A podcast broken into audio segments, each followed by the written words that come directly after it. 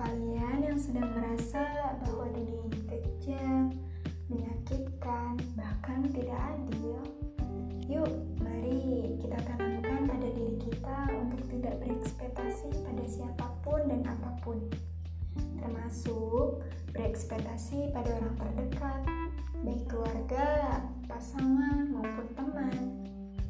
Karena percaya atau tidak, kita sendirilah yang sebenarnya menaruh ekspektasi terhadap mereka terlalu tinggi. Sehingga ketika mereka tidak sesuai apa yang kita harapkan, kita merasa bahwa itu tidak adil, itu menyakitkan, itu kejam. Padahal kita jatuh karena ekspektasi kita sendiri. Jadi, daripada kita berekspektasi pada orang lain, lebih baik kita belajar untuk mencintai diri kita sendiri dengan cara tidak berekspektasi pada siapa pun.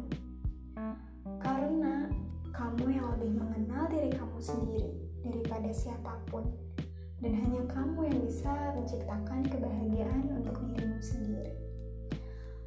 Semangat untuk kita semua, semoga ke depannya kita menjadi pribadi yang lebih baik.